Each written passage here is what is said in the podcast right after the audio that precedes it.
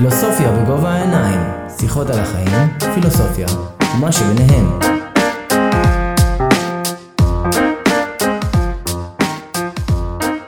כולם רוצים להיות בריאים, זה די מובן מאליו.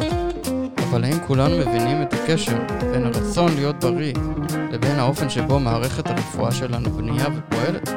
זו כבר שאלה אחרת, ועליה אנחנו נדבר היום, כאן בתוכנית שלנו, פילוסופיה בגובה העיניים.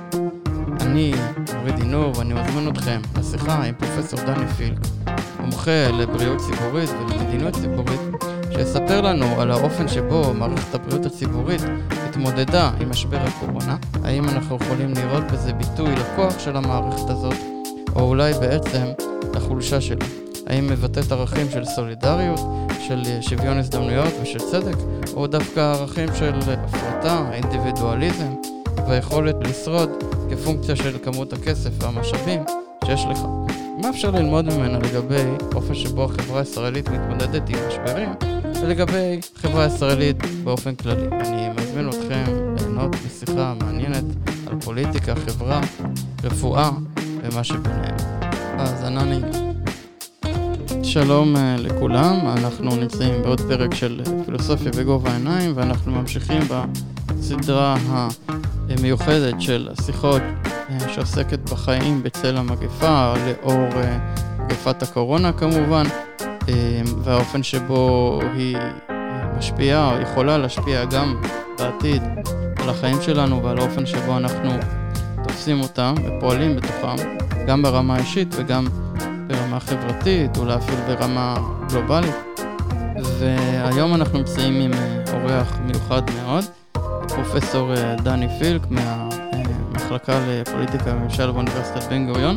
פרופסור דני פילק ואני, לשם הנגיעו לא נאות גם נגיד שאנחנו פעילים בתנועת עומדים ביחד ואנחנו חולקים הרבה דברים דומים בהשקפת העולם שלנו, אבל אנחנו לא נעסוק בהקשר הפוליטי הספציפי הזה בתוכנית, אלא ננסה באמת לדבר על ההקשרים היותר רחבים של מגפת הקורונה, הסיטואציה הזאת שבה אנחנו נמצאים ממש כמה ימים אחרי שהתחילה החזרה ההדרגתית לשגרה, הסיום של הסגר, ההפעלה מחדש של מערכת החינוך, של מקומות עבודה, של המשק וכולי. ואנחנו מנסים בעצם להבין לאן אנחנו הולכים מכאן ולאן הדברים יכולים להתפתח. בואו נתחיל באמת מלהציג בכמה מילים את פרופסור דני פילק. אתה נולדת בארגנטינה, כמו שאפשר uh, לזהות מהמבטא שלך. נכון. נכון. הייתי שמח מאוד אם היינו יכולים לנהל את השיחה הזאת בספרדית, אבל מאחר והספרדית שלי קלוקלת מינוס, אז זה לא יתאפשר. ואתה רופא בהכשרתך המקצועית, המקורית. נכון. נכון, הייתי רופא הרבה שנים, במקביל עשיתי תואר במשהו שזה בין מדיניות בריאות, סוציולוגיה של בריאות, ואז לפני 18 שנה הגעתי למחלקה לפוליטיקה וממשל, וגם המשכתי לעסוק בסוגיות של בריאות, אבל הלכתי גם יותר לכיוון של הממשק בין תיאוריה פוליטית ופרקטיקה פוליטית, סוגיות של פופוליזם, של דמוקרטיה עממית. ולפני זה חשוב להגיד, אתה בעצם עלית לארץ באיזה גיל? גיל צעיר יחסית? 21. Okay. בעצם 20, עליתי, חזרתי לסיים את הלימודים, סופית אני הגעתי בגיל 24. אוקיי, okay. אחרי שכבר בעצם סיימת את לימודי הרפואה, התחלת לעבוד... לימודי הרפואה בדיוק, סיימתי בארגנטינה. כן, כמו צ'ה גווארה. אבל uh, בעצם uh, התחלת לעבוד בארץ כרופא, ואז מה הביא אותך למסלול היותר, נקרא לזה, מחקרי? תראה, uh, אומר, uh, יש uh, בדרום אמריקה מסורת ענפה של ממשק בין רפואה ופוליטיקה, רפואה וחברה. הזכרת את צ'ה גווארה, אבל גם חואן חוסטו, שהיה הסנאטור הראשון הסוציאליסטי בדרום אמריקה, היה רופא, וכששאלו אותו למה הלך לפוליטיקה, אז הוא אמר שכרופא הוא יכול לרפא מחלות ברמה של הפרט, ובפוליטיקה סוציאליסטית מטרה זה לרפא את המחלות ברמה הכללית. איינדה, נשיא צ'ילי הסוציאליסטי, היה רופא, אז הממשק הזה הוא מאוד חזק. אבל מעבר לזה, אני חושב שגם הרגשתי שמבחינת אתגר אינטלקטואלי, אני מחפש משהו שהולך לכיוון יותר של תיאוריה פוליטית, מדעי החברה, וכך משם. אוקיי. Okay. ושוב, תקופה לא מבוטלת עשיתי גם וגם, ואז מסיבות קצת טכני, טכניות אדמיניסטרטיביות, שהפכתי להיות ראש מחלקה, אצלנו ראשות המחלקה היא ברוטציה, הגיע תורי, אז זה כבר הקשה עליי להמשיך לעבוד גם וגם, ואז עזבתי את הרפואה בסופו של דבר. אוקיי, okay, מעניין. אז התחלת לדבר על הרעיון הזה שיש לרפא אנשים בודדים עם בעיות ספציפיות, ויש ניסיון לרפא חולאים חברתיים, מה שנקרא. האם אתה מרגיש שכחוקר זה באמת מעניק לך את ההזדמנות אה, לעשות את הדברים האלה? כי ברפואה זה נראה כאילו הקשר שבין מה שאתה עושה לבין התוצאה החיובית שמתקבלת, או לא עלינו השלילית, היא הרבה יותר ברורה. כלומר, בא אליך בן אדם חולה, נהיה בריא, אחלה, לא נהיה בריא, לא טוב. אתה צודק, יחד עם זאת, יש, יש בתחום של בריאות הציבור, יש את הדוגמה המאוד מאוד מוכרת של המפל, שבן אדם אה, נמצא כאילו בנהר שהוא המשך של מפל, והוא רואה שמישהו טובע, ואז קופץ ומוציא אותו, וכעבור זמן מה רואה עוד בן אדם טובע, ושוב קופץ ומוציא אותו, ושוב, וככה, אחרי הבן אדם העשירי מחליט לעלות לכיוון איפה שהמפל מתחיל לרדת, להבין מה קורה, ואז הוא רואה שם שיש שני אנשים שלוקחים אנשים וזורקים אותם למפל, ואז הוא עוצר אותם, ואז פותר את הבעיה. זאת אומרת, יש בתחום בריאות הציבור מה שנקרא The Social Determinants of Health, כן? התנאים החברתיים שקובעים בריאות או שמשפיעים על בריאות, והזיהוי, ההתמודדות איתם, הצורה של ארגון של מערכת הבריאות, היא בסופו של דבר יש בה פוטנציאל כמובן, שמחקר במובן הזה צריך להיות מחקר שיש לו, שיכול לבוא לידי ביטוי גם בשינוי מדיניות. אם נשאר סגור אז, אה, אז הוא פחות משפיע על המציאות. כן, כמובן, אבל זה מעניין מה שאתה אומר. נכון, זאת אומרת, אתה, אתה צודק שיש, במובן הזה כשעבדתי גם וגם, היה בזה יתרון מסוים, התחושה שהעשייה הרפואית היא מאוד מחוברת למציאות הכי ממשית שאפשר לחשוב עליה, כן? ובמובן הזה המחקר הוא אה, צעד אה, אחורה. כן, זה מעניין, ואני מן הסתם אה, מניח שהשאלות האלה ליוו אותך במהלך השנים, ושנתת לנו לדעת, אבל זה מעניין לחשוב על ההקשר הזה שכמובן אה, כולם רוצים להיות בריאים, obviously, אבל לא כולם מודעים לעובדה שהיכולת להיות בריא או חולה תלויה בהרבה מאוד גורמים שהם אינם בהשפעתנו הישירה כבני אדם פרטיים, אבל הם כן תוצאה של המסגרת החברתית, הפוליטית שבה אנחנו חיים והאופן שבו היא מתנהלת, הנחות היסוד שלה וכולי. לגמרי.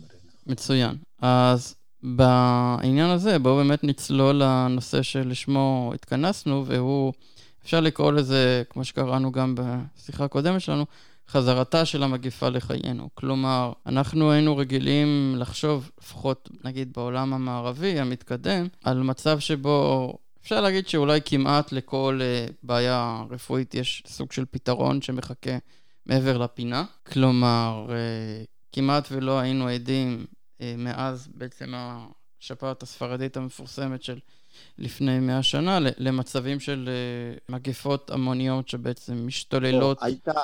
הייתה בשנות ה-50 מגפת פוליו. נכון. מתפשטת. נכון. קצת לפני אה, גילוי שני, ש, שני החיסונים, זה שסולק וזה שסייבין אה, גילו. כן, אבל זה היה אירוע יחסית נקודתי, שלא לא יצר את אותה תחושה, אם אני נכון, צודק, כי, של כי... פאניקה או בעלה גלובלית שראינו לא, לא, בשבועות האחרונים. הייתה פאניקה. אוקיי. פשוט, אנחנו עוד לא נולדנו, אז הייתה פאניקה. מצד אחד, המחיר של המחלה היה הרבה יותר קשה, ומצד שני, רמת ההידבקות אמנם הייתה גבוהה, אין מה להשוות לזו של, ה, של הקורונה. Mm-hmm. ולכן זה לא שננקטו צעדים של ריחוק חברתי. וכולי. כלומר, זה אולי בדיוק הנקודה, שיש הבדל בין מגפה בריאותית שמתייחסים אליה כמגפה בריאותית, לבין מגפה שמתחילה כעניין בריאותי והופכת uh, לבעצם גורם שמשתק את כלל ההיבטים, או את רוב ההיבטים של החיים שלנו. שזה בעצם מה שראינו בשבועות האחרונים, ואפשר להגיד במובן הזה שזה חזרתה של המגפה לחיינו במובן הרחב יותר, שרוב נכון. האנשים לא נדבקו בקורונה. רוב האנשים שנדבקו בקורונה לאו דווקא חלו בקורונה במובן הסימפטומטי, אה, וגם אנשים שאפשר להגדיר אותם כחולים לאו דווקא נפגעו מהדבר הזה, תלוי כמובן באיזה מקום וזה. ברמה כזאת של אה, מוות או, או דברים בתוצאה ישירה של הדבר הזה שהם קטלניים, אבל ברור שכולנו הושפענו מהדבר הזה בצורה אחרת. אז במובן הזה, האם, או איך היית מנסה להגדיר בכמה מילים את אותה חזרתה, את הקאמבק הזה, אפשר לקרוא לזה במרכאות, של, אה, של, של המגפה לחיים שלנו? אם היית צריך לנסות ולהצביע על כמה נקודות מרכזיות, אם היו באים אליך נגיד עוד לא יודע מה, כמה okay. אוקיי. שנים, ואומרים לך, בוא תנסה לתאר לנו את uh, תקופת הקורונה הזאת על רגל אחת. מה, מה, מה בעצם קרה פה, ככה, מהמרחק המאוד קצר שממנו אנחנו מסתכלים? היית יכול לנסות ולאפיין את זה ב, בכמה משפטים uh, מרכזיים? תראה, אה, קודם כל, כמו שאמרת, אין לנו את היתרון של הפרספקטיבה, כן, הגל אמר ש... ינשופו של מינרווה אה, עף בחשיכה. כן, אין... ינשופה של מינרווה יוצא מעופו רק עם אה, רדת ה... החשיכה או משהו כזה, כן. אז אני חושב שאין לנו עדיין פרספקטיבה, אני אגיד כמה נקודות שנראות לי אה, משמעותיות. אחד זה הממשות של הפגיעות שלנו. חושבים ש... בן אדם בסין שאכל, עוד לא בטוח איזה סוג של חיה, אבל בכל אופן שאכל חיה כלשהי, כעבור מספר חודשים העולם די השתתק, זאת אומרת, זה, אם מישהו רוצה להמחיש פעם מה זה אפקט הפרפר, אז הנה אפקט הפרפר. כן. נושא שני, זה המתח בין העובדה שהמגפה חושפת את הכוח וגם את האפשרות של סולידריות, זה מצד אחד, ואנחנו רואים את זה בדרכים שונות, כן? המגפה שפוגעת בעיקר קשה באנשים מבוגרים או עם מחלות כרוניות, אבל כדי למנוע את התפשטותה, מחייבת מכולם להישאר בבתים, ואנשים נשארים בבתים, זה ביטוי לסולידריות די מרשים. התופעות בישראל היינו פחות אה, ערים, זה, זה, זה היה ממש רק בשוליים, אבל התופעות נגיד של היציאה למרפסות אה, בשמונה בערב, למחוא כפיים לצוותים הרפואיים, זה ביטוי של סוג של תחושה של ביחד, mm-hmm. למרות הריחוק. כן. אז מצד אחד, הדבר הזה, כן, החשיבות של הסולידריות, ההפרחה בעיניי של הטענה, נגיד, של הכלכלה הנאו-קלאסית, שטבע האדם זה להיות יצור אנוכי, שמטבעו האדם הוא יצור אנוכי ממקסם רווחים. כן. אז זה מצד אחד. מצד שני, יש משהו בפתרון של ריחוק אה, כהתמודדות אה, ובצורך להתרחק קודם בהסתגרות, אחר כך מרחק של שני מטר, הסתכלות על האחר כנושא אפשרי של מחלה מדבקת, במידה מסוימת ממחיש, ואני אומר, זה במתח עם מצד אחד הנושא של הביחד והביחד למרות ההפרדה, אבל מצד שני יש איזה מימד של אותה מילה של סארטרה, שהגיהנום זה המבט של האחר, כן? כן הגיהנום הוא הזולת. הגיהנום זה לא המבט של הזולת, אלא הגיהנום זה הטיפות כן. יוצאות מהפה של הזולת. במובן הזה, המגפה חושפת את, ה, את המתח הזה, ואת המתח בין הזולת כאיום לבין הזולת כבן או בת ברית, אנחנו רואים את זה גם ברמה של, ה, של היחסים המתוחים בין יחידות לאומיות לבין, גלובלי, לבין גלובליות, לבין שיתוף פעולה. מצד אחד, אה, אנחנו רואים שחלק מההתקדמות המהירה ביכולת לאבחן את הנגיף, לפתח אמצעים מהירים יחסית של זיהוי מי חולה ומי לא, הפענוח של הקוד הגנטי, כל הדברים האלה הם פונקציה של שיתוף פעולה על-לאומי. ומצד שני, אנחנו רואים אה, ניסיון, או ניסיון, או תגובה של סגירת גבולות, של הסתגרות, של תחרות בין מדינות על משאבים אה, מצומצמים, כולל ההפעלה של ישראל את המוסד כדרך להגיע למשאבים שנראים שלא מספיקים לכולם. כמו הניסיון לגנוב מכונות הנשמה ומטושים ממדינות אחרות לצורך העניין, או משהו בסגנון. בדיוק. כן. בדיוק. בלי קשר לשאלה אם חסרות לנו מכונות הנשמה, והתשובה היא לא. נכון. אז, אז אנחנו גם רואים שמה את המתח, שהוא מתח ש, שמאפיין, אני חושב, את ה...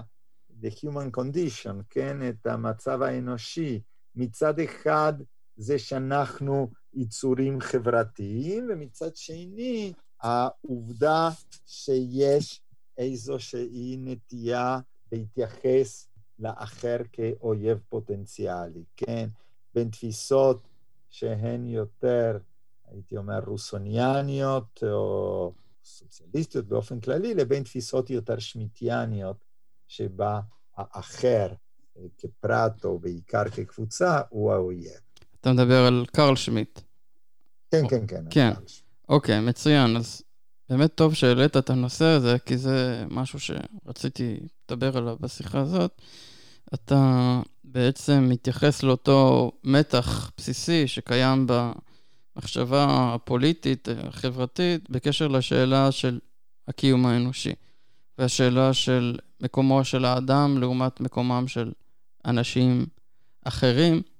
וזה ברור שבעולם שבו אנחנו חיים, אז יש יותר נטייה לתפוס את עצמנו כ- כאינדיבידואלים בראש ובראשונה, כשמה שלכאורה מובן לנו מאליו זה העובדה שאנחנו קיימים כפרטים, וכל השאר הוא כבר לא כל כך מובן מאליו. כלומר, לא מקומה של מוסד המשפחה, אה, לא מקומה של החברה או הקהילה או העולם בכלל, וכמובן שלדבר הזה יש השלכה על האופן שבו אנחנו פועלים בעולם, וכתוצאה מזה גם על, ה, על הקיום האנושי בכללו, וכפועל יוצא של זה גם על האפשרות אה, של אה, שיתוף פעולה גלובלי, וזה נראה כאילו כל הדבר הזה היה באמת יכול אה, להחזיק מעמד כמו שהוא, ולהתקיים כוויכוח, אתה יודע, חצי תיאורטי, חצי פרקטי, אבל שמתנהל כאילו באיזשהו ווליום סביר. עד שמגיעה המגפה, ובעצם אה, משנה את כל המצב הזה, ומגבירה מאוד את התדרים לנוכח המציאות עצמה, שלא מחכה שנפתור את המתח הזה, ואת כל השאלות החברתיות, הפוליטיות, הכלכליות, המוסריות שנובעות ממנה, אלא פשוט אה, מתדפקת לך לשערים, ועכשיו אתה צריך לדעת איך להתמודד איתה. אז במובן הזה, זה... משחרר אותנו בצורה מסוימת מהוויכוחים הללו, או שם אותם במקום אחר. כלומר, יש עכשיו מציאות, ויש עכשיו מגפה שפוגעת בכולנו וצריך כאילו לטפל בה, אז פתאום אנחנו כאילו מתעוררים למציאות שבה הוויכוחים האלה, יש להם מקום קטן יותר בחיים, אם בכלל, ומצד שני, הם עדיין שם, במובן הזה שאנחנו לא מגיעים לתוך הסיטואציה הזאת כלוח חלק, שאין לו איזה שהן הנחות יסוד. אה, מוקדמות. ובמובן הזה אפשר לראות את ההבדל, אני חושב, בין חברות שיש בהן נטייה יותר בסיסית לסולידריות, ובמובן מסוים גם החברה הישראלית היא, היא, היא, היא שם, לבין חברות שהשקפת העולם שלהן היא הרבה יותר אינדיבידואליסטית במובהק, למשל כמו בארצות הברית. אני לא יודע אם זה ממש קשור באופן ישיר, אבל אני ראיתי איזושהי כתבה על כך שבעצם האמריקאים לא ממש מחכים שיגידו להם שזה בסדר לצאת מהבית בשביל לצאת מהבית, ומבחינתם כל עוד הם בסדר והם צעירים והם uh, כאילו בריאים וזה, אז אתם למה לא להציף את חופי הים או את הפארקים באלפי או עשרות אלפי אנשים באותו יום, באותה זמן, כאילו שהחיים לא השתנו. ואני לא מנסה להציג את זה כאיזשהו אה, נאום אה, קטגוריה, כן? איזה אני מאשים כזה קולקטיבי כלפיהם, כמו העובדה שאני חושב שיש אפילו אה, השפעה הפוכה, כלומר, אה, אם מה שאתה מנסה לעשות בשביל ליצור סולידריות, שהיא הכרחית במובן הבסיסי שהריחוק החברתי נתפס כאופציה היחידה או הראשונה, ההכרחית, כן, אה, להתמודדות עם המגיפה. ואז אה, הדרך שבה השלטון, נגיד, מנסה לעשות את זה היא להפחיד אנשים, כן, מצד אחד, אבל לא משדר להם רצינות ביחס לדבר הזה. מצד שני, כמו שטראמפ ניסה לעשות, שבהתחלה הוא פשוט התעלם מזה, אחרי זה הוא אמר שזה משהו בסגנון של שפעת, ואחרי זה הוא דיבר במונחים של uh, לשתות אקונומיקה, או זה יעבור מעצמו, כל מיני דברים כאלה, כן? וזה לא מסתדר אם תישארו בבית, כאילו תדאגו לזולת, ואז התוצאה שאתה רואה זה שחיקה די טוטאלית במנגנוני הסולידריות אה, הבסיסיים, במובן של גם שמירת המרחק, גם הערנות, גם היכולת אה, לחשוב על אנשים אחרים אה, בסיטואציה הזאת, וקצת לאתגר את עצמנו באיך אולי הם כן יכולים להיות מושפעים מאיתנו, שאנחנו לא מבינים את זה. מה, מה התחושות שלך לגבי הדברים האלה, נגיד, ביחס למה שתיארתי, או ביחס לדברים אחרים שאתה, שאתה רואה, שאתה שומע? אני גם לא יודע למשל מה המצב בדרום אמריקה מהבחינה הזאת, אתה מן הסתם מכיר יותר את הסיטואציה שם. דרום אמריקה יבשת מאוד גדולה, כן? ברור. יש שינוי מאוד משמעותי. אה, בארגנטינה בסך הכל לקחו את הנושא מאוד מאוד אה, ברצינות, ולמרות שזו לא אוכלוסייה שרגילה כל כך אה, להיענות, בכל זאת, בסך הכל שומרים שמה על ההסתגרות בצורה די מרשימה, לעומת זאת בברזיל, בדיוק. בולסונארו משאיר את טראמפ קטן מבחינת הזלזול שלו בהמלצות של אפידמיולוגים, של אנשי בריאות הציבור.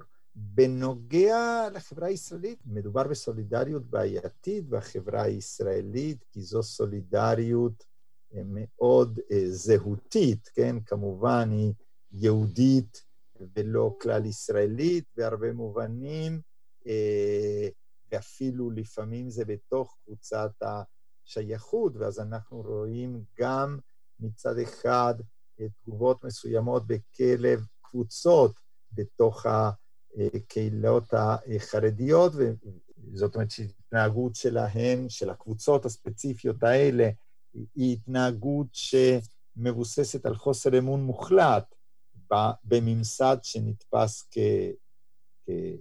כזר כמעט, ומצד שני, בצד של האוכלוסייה הלא חרדית, איזו נטייה להסתכל על, ה, על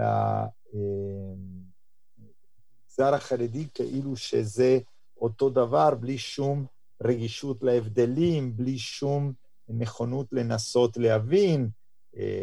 ודרך אגב, הנכונות לנסות להבין גם הייתה צריכה להיות בתחילת ההתארגנות לקראת המגפה, כי, ואנחנו ראינו את זה גם אה, לפחות בהתחלה לגבי אה, האזרחים הערבים, שאחד מההנחות הבסיסיות של אה, בריאות הציבור זה שהמדיניות של בריאות הציבור צריכה להיות מדיניות שהיא גם רגישת תרבות וגם צריכה לנסות לגייס את קבוצות היעד. הדברים האלה לא היו נוכחים. יחד עם זאת, אולי כי החברה הישראלית תורגלת, בשיחה המקדימה דיברת על מצב החירום, כן? אצלנו מצב החירום, גם ברמה החוקית, אבל גם ברמה התפיסתית, כביכול לא הוסר לעולם, ותחת נתניהו הדבר הזה הוא נוכח במיוחד, זאת אומרת, ההתנהגות שלו היא התנהגות, במובנים, נתניהו וגם ליברמן אפילו לפניו, זו תפיסה שמיטיאנית מאוד מאוד חזקה של הפוליטיקה, ולכן אצל שמיט, מה שמגדיר את הריבון זה אה, היכולת להכריע לגבי מצב החירום, mm-hmm. אז אצלנו יש איזו פרקטיקה מתמדת של הפעלת ריבונות על ידי התייחסות לכל רגע כרגע חירום, ולפעמים, כמו המקרה של קורונה, של ה-COVID-19, שהוא באמת אה, רגע חירום, אז אה, זה קצת כמו הבדיחה של השעון שלא עובד, אבל שפעמיים ביום... ביום הוא עדיין צודק. זה מעניין, שוב, העלית את קרשמיט, אז עוד שנייה באמת ניגע באופן ישיר בתיאוריה שלו וברעיונות שלו, אבל זה באמת מעניין לראות איך אנחנו כחברה מגדירים מי האויב שלנו. ואני חושב שהחברה הישראלית טובה מאוד בלהגדיר אויבים שמגיעים מבחוץ, אולי טובה מדי, במובן הזה שהיא בטוחה שהאויב הזה תמיד נמצא שם, ולכן היא גם לא מאפשרת לה לדמיין מצב חלופי של שלום. העניין זה נשמע כמו איזה חלום רחוק. ומצד שני, זה גם בא על חשבון היכולת uh, בעצם ליצור uh, סולידריות, כשהאויב במרכאות הוא לא חיצוני, אלא פנימי. כלומר, אתה כל כך רגיל לזהות את האויב עם משהו או מישהו ספציפי, אה, שאתה לא יכול לדמיין אותו כאתגר משותף, במילים חייבים להיות קבוצה של אנשים שאשמים במצב הזה יותר מאחרים, שכאילו הם הגורם לדבר הזה. אז עכשיו, אנחנו לא יכולים נכון. להאשים את הסינים, טראמפ יכול להאשים את הסינים, השין, הסינים מאשימים את הטראמפ בחזרה, כן? האיראנים רגילים להאשים את ישראל הרבה דברים, אז הם מאשימים את ישראל, כן?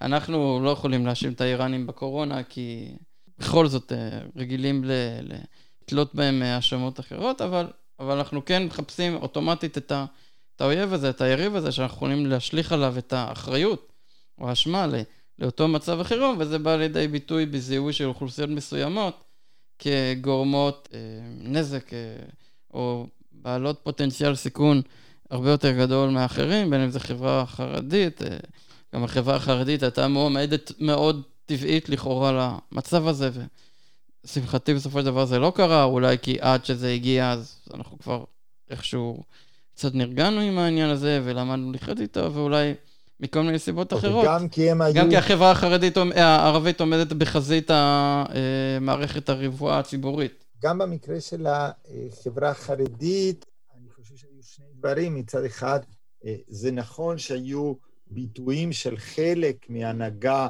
כמו של הרב קנייבסקי בזמנו, שאמר שצריך להמשיך ללמוד, אבל אה, בסופו של דבר אנחנו ראינו שבמקומות כמו למשל בית שמש, רוב האוכלוסייה, הרוב המוחץ, התנהג אחרת, גם בבני ברק, אה, אז אני חושב ש... אני מקווה שאולי זה דווקא תרם לשבירה קצת של סטריאוטיפים, שמה שמאפיין סטריאוטיפים זה הנטייה לעשות האחדה. כן. ולמחוק אצל כן. האחר את ההבדלים. וגם חוסר היכולת לראות בני אדם כבני אדם, כלומר, כפרטים בתוך מערכת. זה מעניין, אני ראיתי איזה קטע קצר מראיון עם אביב גפן דווקא, שאמר שהזמין אותו כאילו להופיע, כן, הופעה עם עצמו והמצלמה באיזשהו מקום, והוא ניצל את ההזדמנות בשביל uh, להתבטא, כי הוא אדם יחסית פוליטי ורגיל להתבטא, ואז הוא דיבר דווקא על החרדים, והוא אמר לציבור החילוני, שאליו הוא רגיל לדבר ולשיר, חבר'ה, תעזבו את החרדים, להם יש את אלוהים, לי יש את גוגל, כלומר, במובן הזה שיש פלורליזם, כל אחד בוחר למי להאמין, ורדו מהם. הוא אמר שממש איך שהוא סיים להופיע, הוא פשוט מאיזשהו מקום התחיל לקבל הודעות של מלא מלא אנשים חרדים שאומרים לו תודה. הם לא שומעים את המוזיקה שלו, אני לא בטוח שהם יודעים ממש מי הוא, אבל איכשהו המספר שלו התחיל להתרוצץ בכל מיני קבוצות חרדיות, והוא נדהם מהעובדה שגם הוא היה צריך להגיע לקורונה בשביל להבין איך אנחנו מאבדים את היכולת לראות אנשים ששונים מאיתנו, אבל חולקים איתנו את אותו מרחב גיאוגרפי, את אותו אה, מטען ברמה כזו או אחרת, כשותפים. יותר מהמרחב הגיאוגרפי, זאת אומרת... לא, גם איזשהו מטען, כלומר, בכל זאת לא, אנחנו... לא, לא, אבל מעבר למטען, אני אומר, גם אם אתה אומר אין לי שום דבר תרבותי משותף, נגיד, כשאתה כן. אומר את זה, כן. אנחנו חלק מאותה קהילה פוליטית. כן, אז זה נכון. כבר עושה אותנו כן, שותפים. מרחב גיאוגרפי פוליטי, כן. והוא דיבר על זה שבאמת אנחנו רגילים כל כך כאילו לשנוא אוכלוסייה אחת את השנייה, ולחשוב שהוויכוחים האלה הם מה שאמור להגדיר את היחסים שלנו, כן?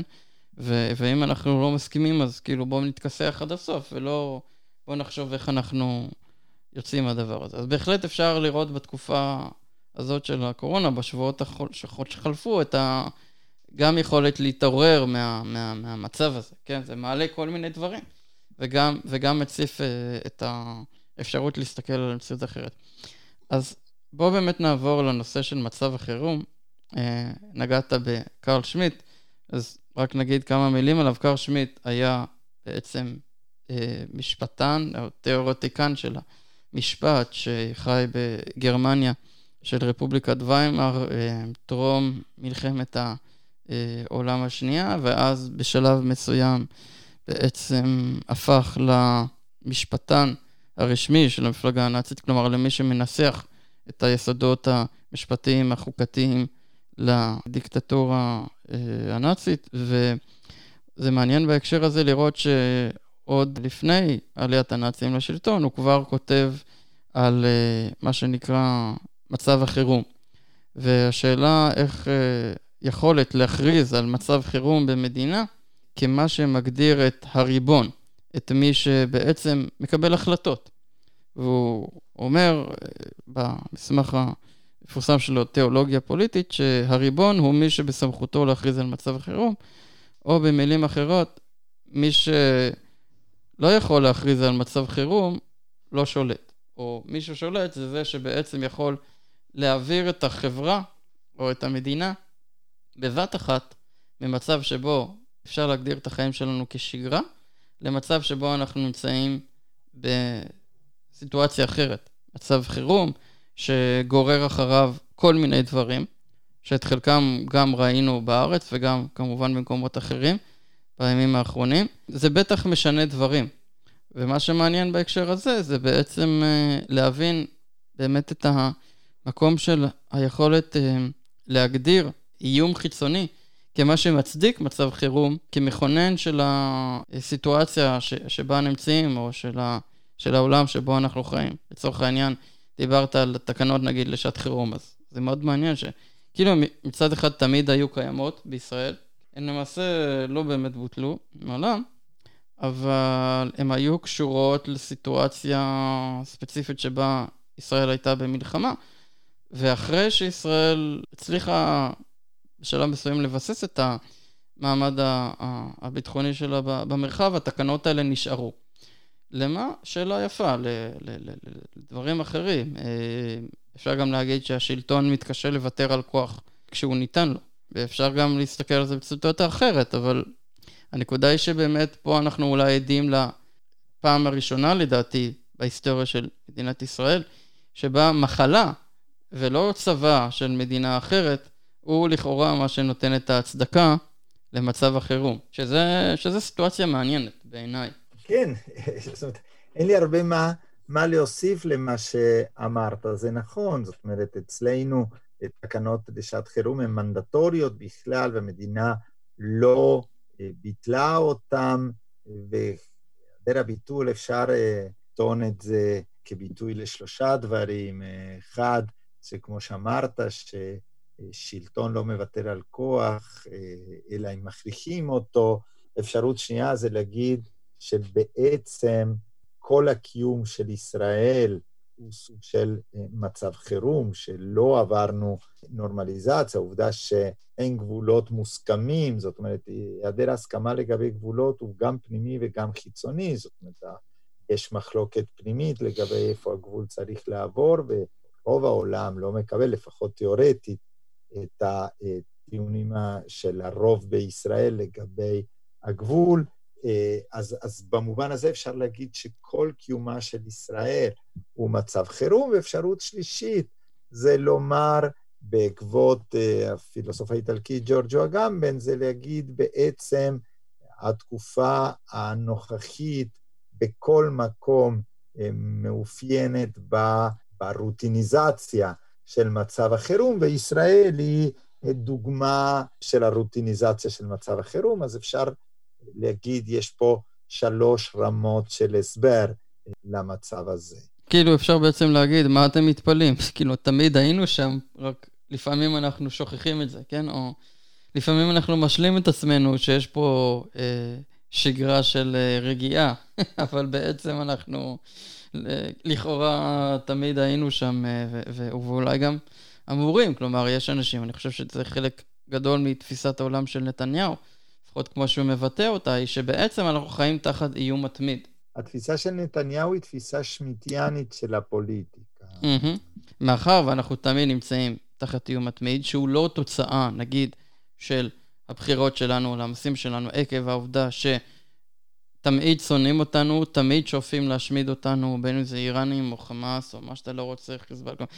הגורמים האלה מעולם לא ויתרו ומעולם לא יוותרו על הרצון שלהם להשמיד אותנו, לכן אנחנו תמיד נמצאים בתחושה של איום מתמיד, לכן למעשה אנחנו תמיד נמצאים במצב חירום, גם אם אנחנו מנסים לכאורה לקיים פה איזושהי תחושה של שגרה או, או רגיעה, שזה מעניין שמצד אחד יש את הדבר הזה, ומצד שני, השיח שנתניהו מנסה לקדם הוא שמדובר בעצם בעשור הכי בטוח בהיסטוריה של המדינה, וכאילו מעולם לא היה פה בעצם טוב יותר מכל בחינה. אז אם יש מצב חירום, אמורה להיות קטסטרופה. אם אתה אומר שהמצב מצוין, שאי אפשר להמשיך לדבר על, ה, על המציאות במונחים של קטסטרופה. יש פה איזה מתח לא, לא ברור, אני לא חושב, פתור, בהקשר הזה. לא נכון, לא פתור. אתה כן. צודק. וזה גם מעניין בהקשר הזה, אני חושב שאפשר לבוא ולהגיד, שוב פעם, באיזושהי תפיסה כזאת קטסטרופלית, שבעצם, בעצם, המציאות היא כזאת, היא קטסטרופלית, וזה לא כזה משנה, נגיד, אם זה יהיה אויב פנימי או אויב חיצוני, תמיד יהיה שם את הדבר הזה. אנחנו תמיד במלחמה, אנחנו תמיד במאבק על הישרדות, אנחנו תמיד פה, אנחנו תמיד שם. אבל אם זה המצב, אז אם יש מצב חירום מתמיד, אז, אז זה לא חריג. הרי מצב חירום לפי טבעו אמור להיות חריג, מה שמצדיק את היכולת אה, לשנות את המציאות, אה, גם במובן הזה שמפקיעים מאנשים כל מיני חירויות שאמורות להיות להם במשטר דמוקרטי. זו עובדה שמדובר במצב חריג, ואחרי זה הדברים אמורים להירגע, אבל אם זה המצב הקבוע, אז מה המצב החריג? אה, ואם אין אפשרות כן. לחרוג מהמצב הזה, אז מה זה אומר עלינו כחברה? ואין ספק שהדבר הזה לא מסתדר עם המחשבה שישראל היא אה, מדינה דמוקרטית, ליברלית, פתוחה ומשגשגת כל כך, כמו שאולי נוטים לצייר את הדברים האלה. היה הרבה יותר קל, לצורך העניין, לדמיין את הסיטואציה הזאת בשנות ה-50, כן?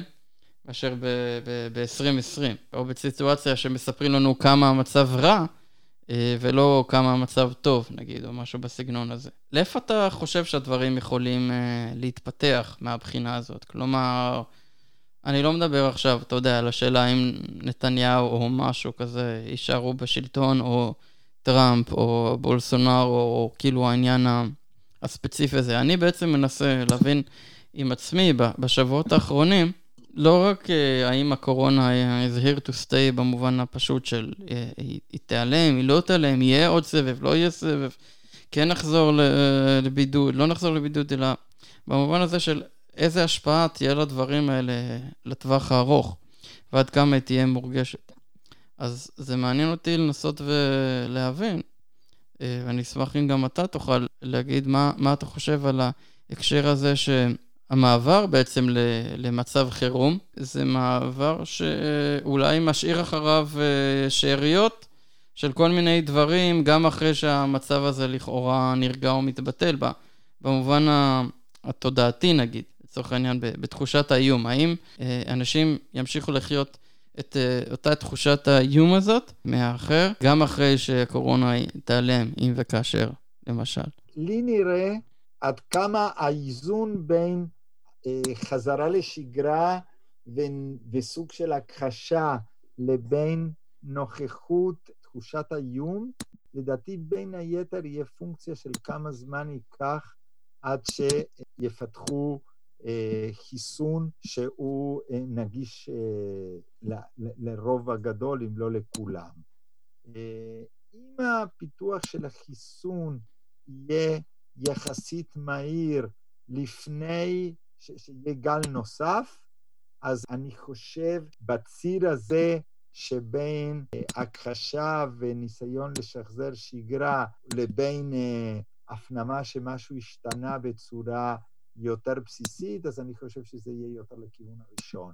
אם יהיה גל שני משמעותי לפני חיסון, אז זה יכול להיות שהגל השני יסמן או סמל של אה, מין תחושה מאוד מאוד אה, בסיסית של חסר ביטחון. ואתה מאמין שאם וכאשר באמת יימצא חיסון, זה יהיה הגורם המרכזי? כי הרי תמיד יהיה אפשר לבוא ולהגיד, רגע, ההוא כן מחוסן, ההוא לא מחוסן? זאת אומרת, כאילו במובן כזה, החרדה מהאחר, או הפרטי, או הקולקטיבי, יכולה לבוא, נגיד, מהשאלה האם הוא נושא את המחלה או לא, כן? האם הוא נדבק בקורונה, נגיד, אה, לבין השאלה האם הוא כבר קיבל חיסון או משהו כזה. אה, אופציה אחרת היא לבוא ולהגיד, אבל מה עם הבאים בתור? כלומר, אתה יודע, יש כבר כל מיני דיונים על זה שהקורונה כבר תעבור איזה מוטציה, ואז יהיה צריך נכון, גם להתמודד. אבל אה, תראה, זה נכון, הקורונה עוברת מוטציה, אבל מצד שני, אפשר להגיד, אבל אם לקורונה הזה מצאנו חיסון יחסית מהיר... אז גם לבא בתור. יש, בדיוק, אז יש לנו את היכולת. לכן אני חושב שפה לדבר הזה יש... אבל אה, כמובן, אנחנו לא דיברנו, דיברנו קצת על הנושא הפילוסופיה, על היבטים של בריאות ציבור, לא דיברנו על כלכלה. כן, ומה נכון. תהיה ההשפעה על הכלכלה ומה המשמעות מבחינת החיים של מישהו שהחיים שלהם אה, נהרסו כי הפרנסה שלהם נהרסה, או המיזם שבו השקיעו אה, המון אה, מתקשה להתאושש אם בכלל. וכאן במובן הזה, אני חושב שהחברה הישראלית, אה, באותה מידה שברמה של בריאות הציבור אה, התמודדנו בהצלחה לא מבוטלת, בתחום החברתי-כלכלי הפרפורמנס היא די מתחת לכל ביקורת. כן, כן. שוב, השוואתית, כן. ברור, אה, ברור. זה לא רק עניין השוואתי, זה גם באמת שאלה שאנשים כאילו מחכים לאיזה מין פתרון. ואתה יודע, אנשים אומרים, טוב, אז עכשיו יהיה שר אוצר חדש, יהיה פה, יהיה שם, כן, מחכים שהמחלה תיגמר, שהמשק ייפתח. המשק נפתח, ורואים שבחודש אה, הנוכחי אה, רק אה, נוספו אנשים למעגל האבטלה, כלומר היו יותר אנשים שיצאו לחל"ת מאשר אנשים שחזרו, יש הרבה מאוד תופעות שאנחנו לא מודעים על זה, ואנחנו יודעים ש... שגלי מיתון או, או משבר כלכלי יכולים גם לקחת עשר שנים אפילו, ו, ואז באמת השאלה היא מה קורה בזמן הזה וכמה אנשים ירגישו רצון אמיתי אה, לעשות משהו עם העניין הזה. כלומר, לי זה מרגיש הרבה פעמים שאולי אנשים אה, יוצאים לרחוב או מוחים או מנסים אה, לעשות שינוי, מעלים את, ה, את הנושאים האלה לדיון ציבורי אה, משמעותי, כמו שהיה נגיד ב... מחאה של 2011 בשני סיטואציות. אחד זה שלאנשים באמת אין מה להפסיד. אין להם מה להפסיד, אין להם יותר תקווה שמשהו ישתנה בטווח הנראה לעין, וזה מוציא אותם מהאדישות כי אין להם ברירה. אה, זה יכול גם להגיע למקרים קיצוניים יותר, ושל אלימות ו- וכאלה דברים, אבל זה סיפור אחר. והאופציה השנייה היא שאתה מרגיש שזה לא שאלה של האם יש לי מה להפסיד או אין לי מה להפסיד, כמו השאלה האם אני לבד בסיפור הזה או לא. כלומר, שזה לא רק משהו שאני חווה או מרגיש, אלא שזה ביטוי לתפיסה של הרבה מאוד אנשים שיוצרים איזה מסה קריטית שיכולה לנוע לכיוון אחר. שוב פעם, ראינו את הדברים האלה עולים ו- ו- ודועכים אה, מהר מאוד יחסית במחאה החברתית.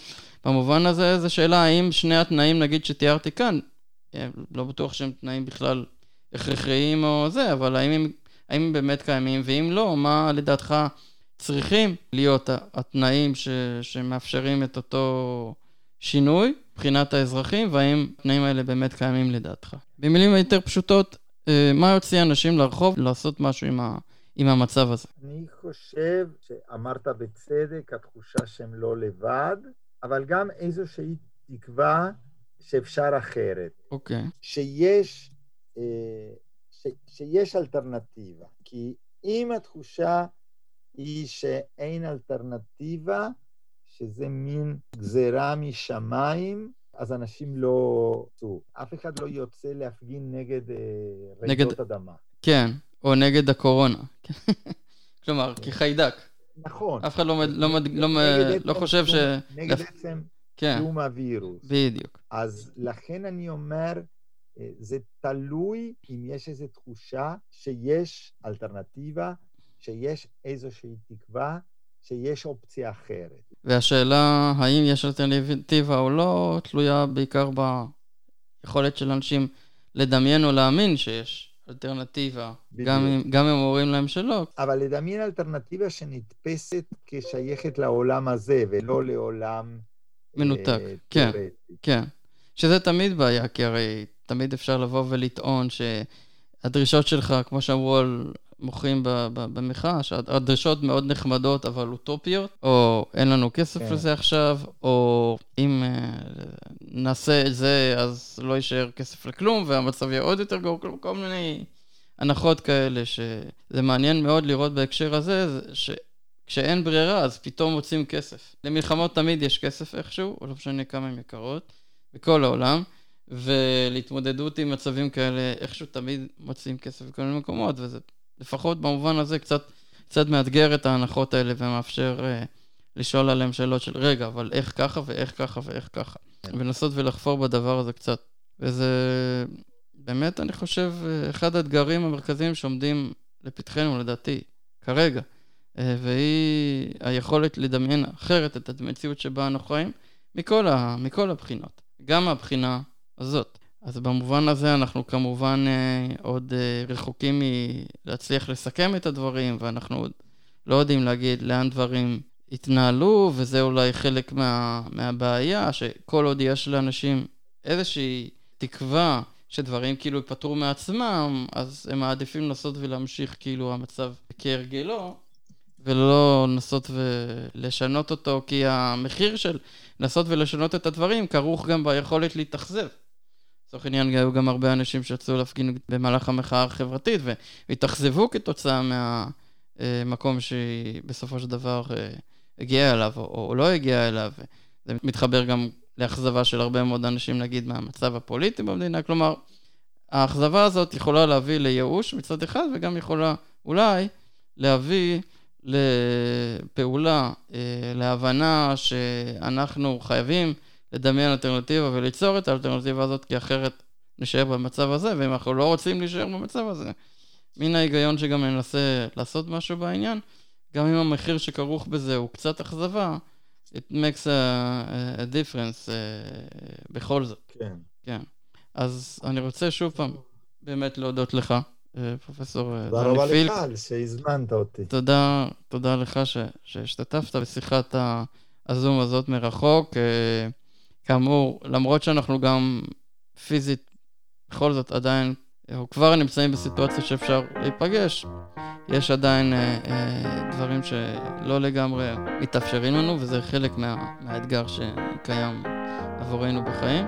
ולהודות אה, לך שוב, וגם להזמין אתכם להאזין לשידורים ולשיחות הנוספות שאנחנו מקיימים, גם במסגרת השיחות על החיים שבצל הקורונה, וגם לשיחות נוספות. פילוסופיה בגובה העיניים. אז נשתמע בתוכנית הבאה, ולהתראות. תודה רבה, להתראות.